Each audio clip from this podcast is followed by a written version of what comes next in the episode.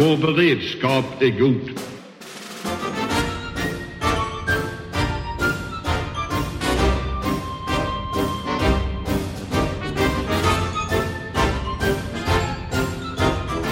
Hej och välkomna till Höjd beredskap. Dagen till ära så är podden nu i Sälen på Högfjällshotellet och dagen här har precis avslutat, eller rättare sagt programmet på scenen har precis avslutat. Och jag heter Anders Lindberg, politisk chefredaktör på Aftonbladet och med mig här så har jag Amanda Wollstad, chefredaktör för Svensk Tidskrift. Johan Victorin, VD för Intill. Patrik Oksanen, Senior Fellow, Tankesmedjan Fri Värld. Annika Norén Kristensen, försvarspolitisk expert. Och vi ska guida genom dagen som har varit. Den finns ju också på SVT Forum så ni kan ju titta själva. Men eh, vi tänkte väl börja med, eh, med inledningen som var eh, utrikesminister Ann Linde som pratade och eh, började här, inledde dagen. Så att reflektioner kring det. Annika? Ja, jag noterade då att hon använde samma formulering som försvarsberedningen eh, och som var ett debacle kring hennes företrädare. Och vilken formulering var det? Jo, det var den här formuleringen med ett väpnat angrepp mot Sverige inte kan uteslutas. Och hon sa det som om det var helt naturligt, men alla vi som kommer ihåg det där från en tidigare Sälenkonferens noterar detta. Hon betonade samarbetet med Nato, EU måste ha egen förmåga, alltså hon befann sig i närområdet på ett annat sätt än vad hennes företrädare gjorde. Eh, och också så var det så att hon tog en liten anekdot om hennes tidigare liv i Sälen som, tror jag, syftade till att visa ett militärt intresse och att hon också hade samlat på sig lite kunskaper om den militära sidan. Och det där tolkar jag som en subtil men tydlig signal som också var en slags eh, skillnad gentemot tidigare mot Margot Wallström. Mm. Jag skulle säga då att det är en tydlig signalvärde om att avståndet mellan Jakobsgatan och eh, Arvfurstens palats där tvärs över Gustav Adolfs torg har minskat kraftigt. Det är en omskrivning då alltså för utrikesdepartementet och försvarsdepartementet. Eh, jag noterade också att Ann Linde sa någonting som jag inte tror att jag har hört Margot Wallström säga. Och det var att hon uttryckte stolthet över Gripenplanet också. Eh, så att här har du ganska genom det här bytet på utrikesministerposten så har du fått en utrikesminister som signalerar mer så att säga de här sakerna som även försvarsdepartementet signalerar. Eh, och det tycker jag är positivt utifrån en strategisk kommunikation för Sverige. Nej, jag instämmer. Det är ju ett närmande mellan Jakobsgatan och Gustav Adolfs torg, alltså UD och försvarsdepartementet. Eh, och hon refererade försvarsberedningen flera gånger under sitt tal eh, som liksom understryker det. Sen var hon inne då på Iranfrågan, det var ju det hon fick börja med så att säga. Och eh, det verkar ju vara bra hanterat och hon fick ju sen beröm kan man säga, regeringen fick beröm av Ulf Kristersson för sitt hanterande av eh, Iranfrågan. Även hon under pressträffen sen uttryckte eh, att man inte har en samma syn på folkrätten, en striktare syn på folkrätten än vad USA har. Eh, så det var spännande också. Mm. Jag upplevde också att förutom Iranfrågan som ju blev självklart högst upp på dagordningen eh, idag så tog hon hem debatten lite. Det var mycket prat om Ukraina. Jag tyckte hon uttryckte sig väldigt klart om Ukraina, att, att Krim är ockuperat, att det svensk syn är självklart att Krim tillhör Ukraina. Eh, det var mycket prat om våra militära samarbeten, våra nära samarbeten, kanske i en mening borde vara självklart här och med denna publiken men där det också var ett brott med den tidigare utrikesministern som, som ju behöll ett ganska stort fokus på någon slags utrikespolitisk långt bort stan doktrin med, med ett stort fokus på Mellanöstern. Uh, alltså min reflektion, jag har ju lyssnat på de här talen och även jobbat på UD en gång i tiden så att varit med och liksom skrivit uh, den här typen av tal på, på konferenser här. Eh, det är nu väldigt länge sedan. Men, men det intressanta är ju dels som ni säger att hon, hon plockar in referenser till en massa saker hon inte säger att hon plockar in referenser till. Som försvarsberedningen och så. Så talet är skrivet i kod. Och koden är Jag är realist. Och det är väldigt intressant för jag har aldrig hört en utrikesminister ligga så nära det försvarspolitiska språkbruket och så. Sen, sen vet jag inte om det var avsiktligt att hon säger pansarvagn och sånt där eh, Eh, som ju då är felaktig beteckning då. Eh, men, men man, man, jag, kan inte, jag kan liksom inte riktigt bestämma mig för om jag tror det. Jag har svårt att tro att någon talskrivare skulle ha petat in en felaktig beteckning i talet men det ger en väldig närhet och jag tror att hon, hon kommer att lyckas bli väldigt populär det här är ju ett ställe där politiska karriärer kommer att dö i, väldigt ofta i Folk och Försvar. Att man misslyckas här och sen så går det nerför. Jag skulle säga att Ann Linde tog det här med storm. Hon, hon gjorde rätt, hon liksom var nära och så. Men sen så är det klart att tittar vi på innehållet i talet så sa hon ju egentligen ingenting nytt. Alltså det var inga nyheter som går att rapportera egentligen här. Det tycker jag var lite så intressant för ofta kommer ju med sig kanske stora stora nyheter och sådär. Något år hade man med sig Irak-styrkan och alltså man har ofta den typen av saker med sig och det hade man inte i det här talet. Nej, men det var väl lite grann ett kremnologiskt tal på det sättet som du analyserade. Att man får läsa av saker som sägs och inte sägs och, och underförstått och hit och dit. Men det är ett signaltal som fungerar väldigt väl i den här publiken och etablerar en, en trygghet eh, i den försvars och säkerhetspolitiska debatten. Tror ni att det här talet är något som kommer att förändra eh, debatten? Eller det här liksom ingången hon har? Inte förändra debatten tror jag inte, men det är väl kanske en öppning även debattmässigt. Inte bara att, att försvarsdepartementet och utrikesdepartementet kommer närmare varandra utan också att en del av, av den försvars och utrikespolitiska debatten bredare kan överbyggas. Um, försvarspolitiska debatten är ju i en mening ganska isolerad. Det är ju vi närmast sörjande som sitter och försöker väcka intresse för våra frågor. Kanske kan det här vara en öppning till att, att vi får en bredare debatt där försvar och säkerhetspolitiken tar en mer naturlig roll i, i vilken roll vill Sverige spela? Vilken roll vill socialdemokratin spela? Men det öppnar ju också möjligheterna och ytorna för Vänsterpartiet och Miljöpartiet att ta det eh, rummet som eh, Margot Wallström stod för så att säga och som Linde då, vad vi uppfattar, rör sig ifrån. Och det såg vi ju sen i den här sista eh, sittningen som var när vi skulle fördöma USAs och det var Håkan Svenneling som är Precis. utrikespolitisk talesperson för Vänsterpartiet. Exakt. Så där kan vi kanske få se en förflyttning i debatten. Mm. Nej, men generellt sett så tror jag att det här skulle kunna vara ett gott tecken på då att det vi säger alltid är en risk. Eh, det är när vi börjar att prata med olika eh, ord och tungor eh, kring det svenska intresset i vid bemärkelse. Och om vi kan tajta till det så är det bra. Och nu gjordes det idag med hjälp av vår nya utrikesminister. Det ska man nog bara välkomna. Mm. Sen följdes ju det här av, av Ulf Kristersson som ju eh, delvis kommenterade talet, delvis pratade om andra frågor. V vad tänker ni om det? Det anförandet han höll? Ja, men han sökte ju konflikt i försvarspolitiken när det gällde de ekonomiska nivåerna. Det var ju helt klart. Och eh, försvarsministern fick ju kalla till en extrainsatt pressträff då för att kommentera eller möta det så att säga. Så det, det tar jag med mig som främsta punkt från den eh, talet. Ja, det, det det så att säga kickstartade förhandlingspositioneringsspelet inför de samtal som nu inleds efter Folk och Försvar. Eh, samtidigt så är det ju just nu väldigt många olika siffror som cirkulerar och till en total förvirring. Jag vet inte ens om vi ska försöka reda ut de här siffrorna ens för de stackars poddlyssnarna. Man kan ju försöka reda ut siffran 93 miljarder för den siffran är ju alltså 84 miljarder så han lagt inte, på 9 som, miljarder. Som inte enligt försvarsminister Peter Hultqvist är 84 miljarder utan nu 85,1 miljarder.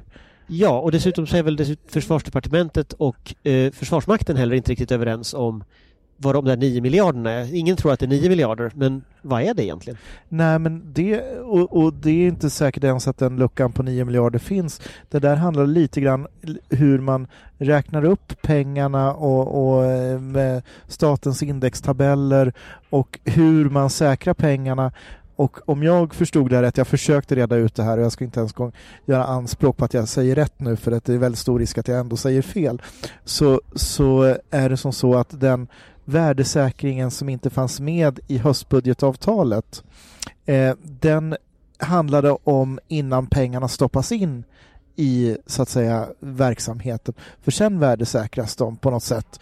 Eh, väldigt rörigt, väldigt förvirrat och jag hörde någon siffra säga att ja, men det var egentligen ingen stor skillnad mellan så mycket som 9 miljarder för att egentligen om man räknar upp det på det här sättet så, så är det betydligt mindre summa. Det är alltså total förvirring kring det här just nu skulle jag säga.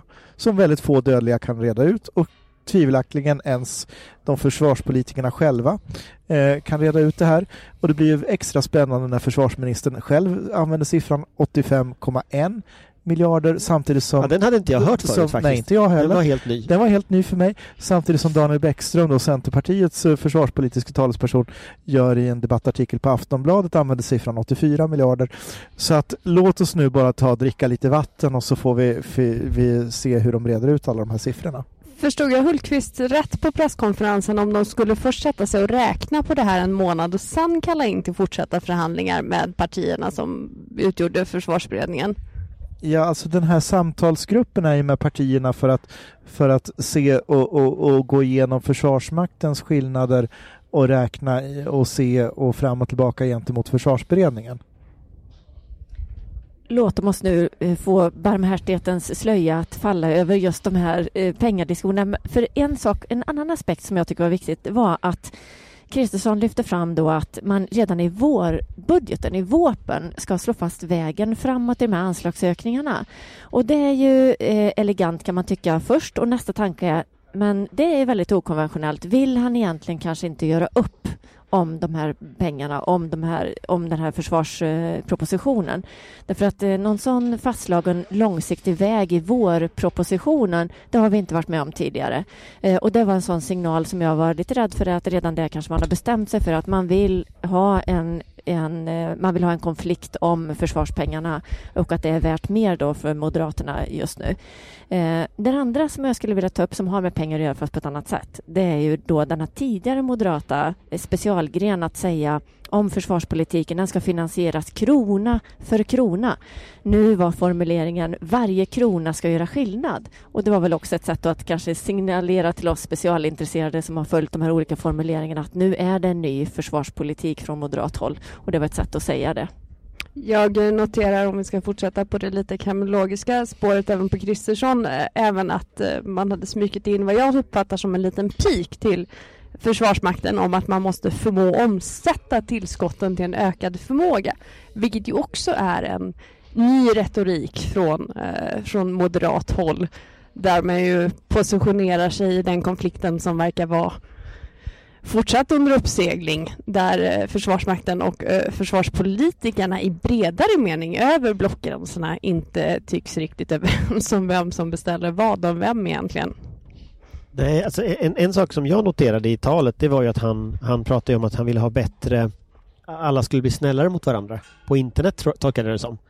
Ehm, samtidigt var han jättehård i sina angrepp på allt och alla. Ehm, så att det, det, jag, jag, får känslan av att det här inte riktigt går ihop. Alltså jag får känslan av att det, här, det är en väldigt arg man som står på scenen här Ehm, och verkligen vill liksom markera olika saker. Men jag, för, jag kan inte riktigt klura ut vad det är egentligen hans försvarspolitik skulle innebära. Därför att han, han har med alla signalbegreppen, NATO, alltså alla de här begreppen. Men, men han har ju liksom ingen kompis som håller med honom. Det finns ju ingen allians bakom, det finns ju liksom ingen, ja, ingen det struktur. finns ju fyra partier som vill ha ett NATO-medlemskap. Jo, men helheten i hans politik. Han är ju, alltså Moderaterna är ju helt... Om han ska driva den här linjen, då kommer ju Moderaterna vara ganska isolerade i försvarspolitiken. Men eh, vilken linje är det? Ja, alltså Moderaterna står ju bakom försvarsberedningens rapport. Men gör, gör han det? Här, ja, alltså fram till någonting annat har landat. Eh, så. Och det här, jag tolkar det här som en, en markeringsutspel med pengarna att, att uh, i det vi kommer överens om ska man liksom uh, se till att finansiera. Sen, uh, och det har vi kanske varit inne på tidigare också, det, det, är klart att det här är inte slutet, det här är bara början på vad vi behöver göra, men det, det är en annan historia. Men jag plockade upp en annan sak från det där och det var ju frågestunden. Eh, där, där jag tror att det var inte medvetet, jag tror att det bara blev lite otur på scenen. Men han lyckades med konststycket att, att lägga sig under 2% ambitionsnivån istället för att säga att som, som allianspartierna sa då före valet att det är 2% som är målsättningen av BNP. Där han sa att det är närmare 2% än 1 som vi behöver hamna på.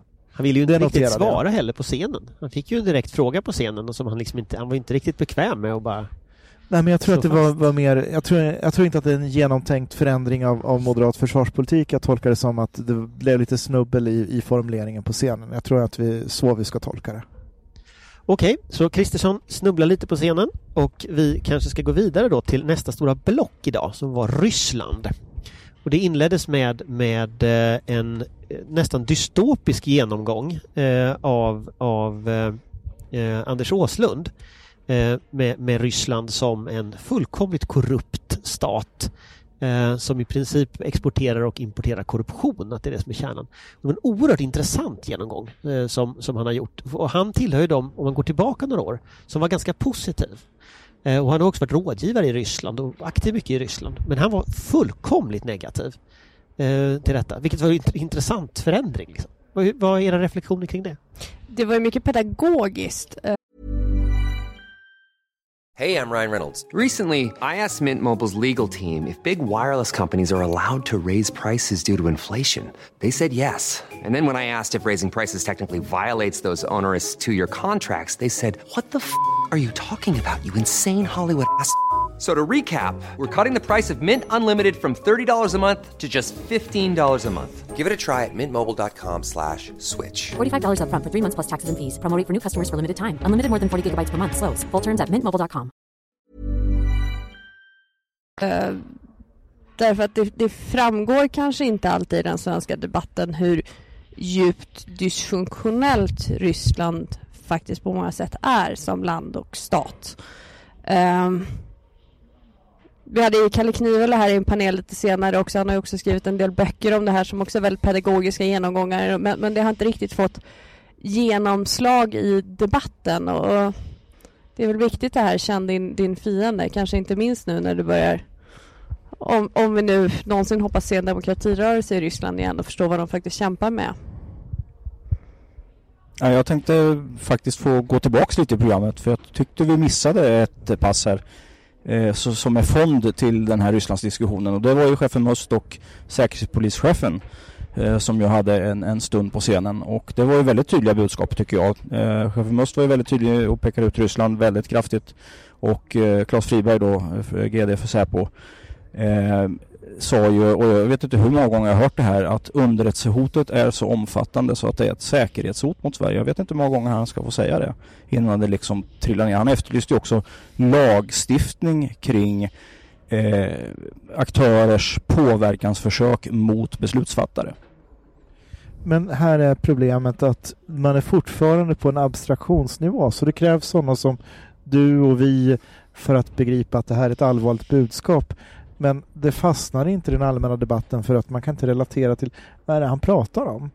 Eh, och där tycker jag att man, de missade ett kommunikativt tillfälle att, att kunna exemplifiera med någonting mer.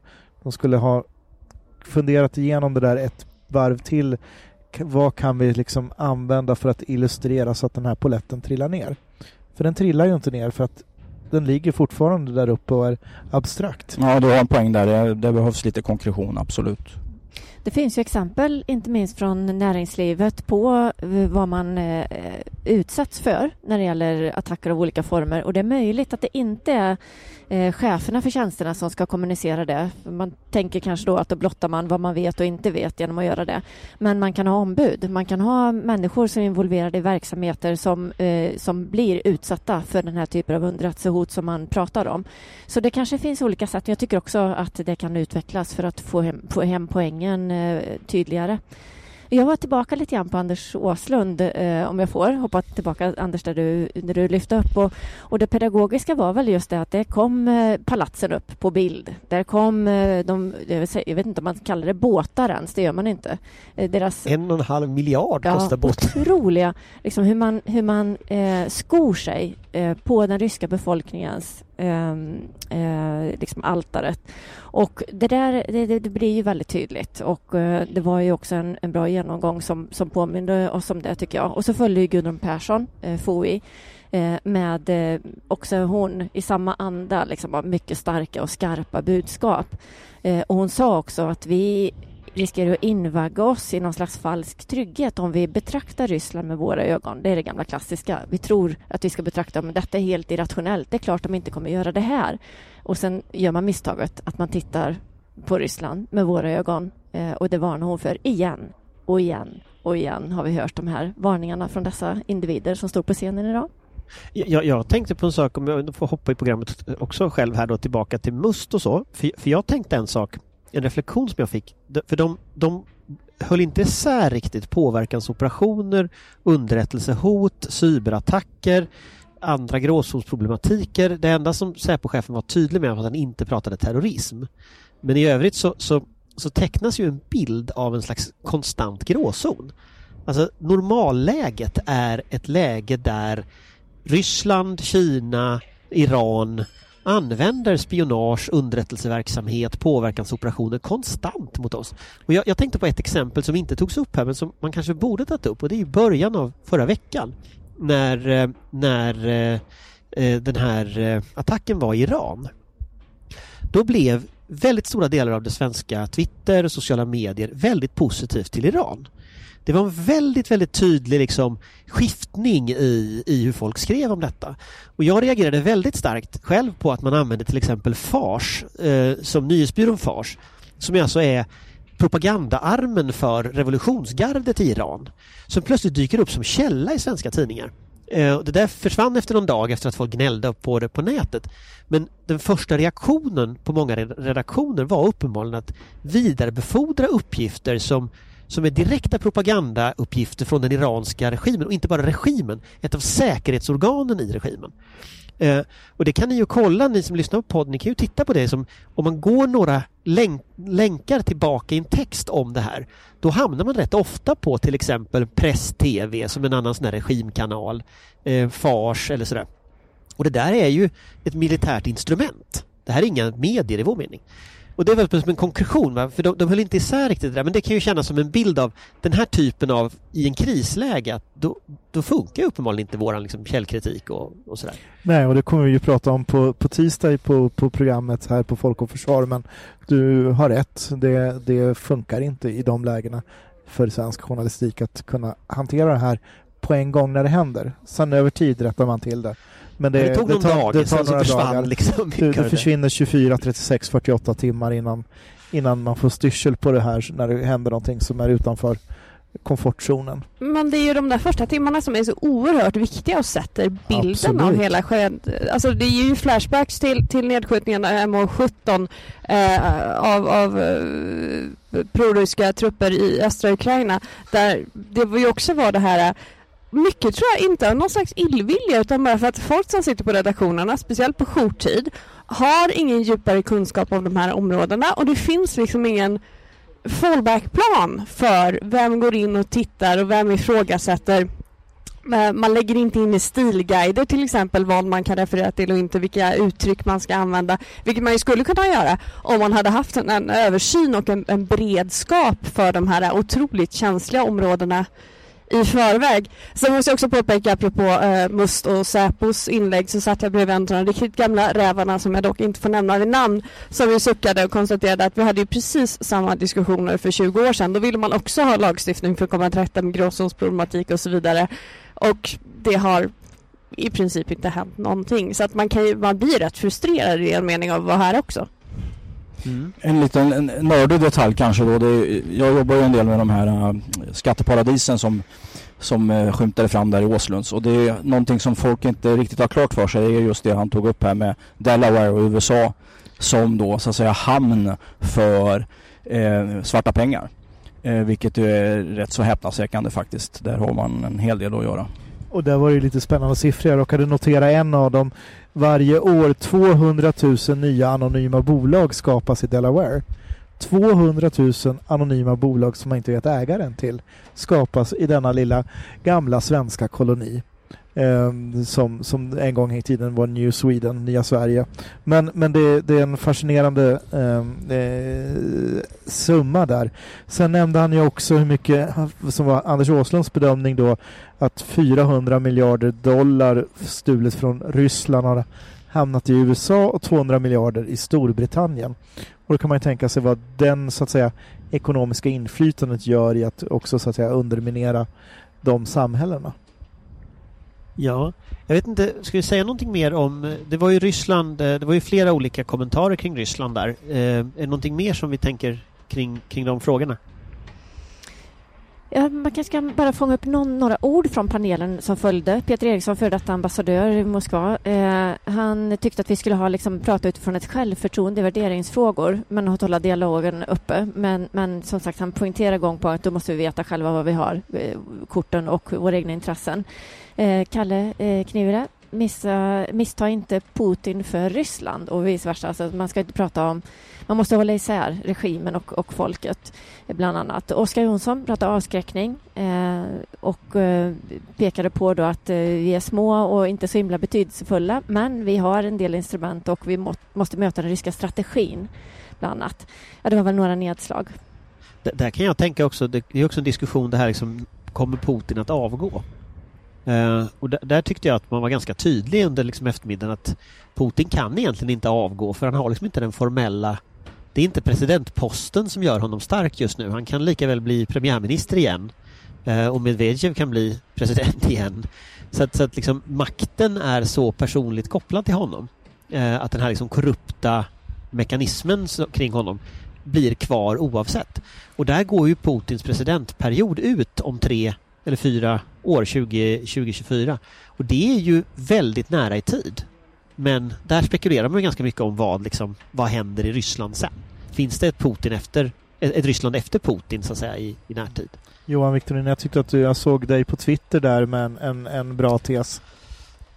Nej, det var jag som, som eh, jag tänker att, eh, att vi kommer kanske få se ryska försök att införliva Belarus och eh, möjligen delar av Ukraina eller Kazakstan före 2024 för att skapa en ny union och då kan man ju liksom rita om konstitutionen väldigt enkelt.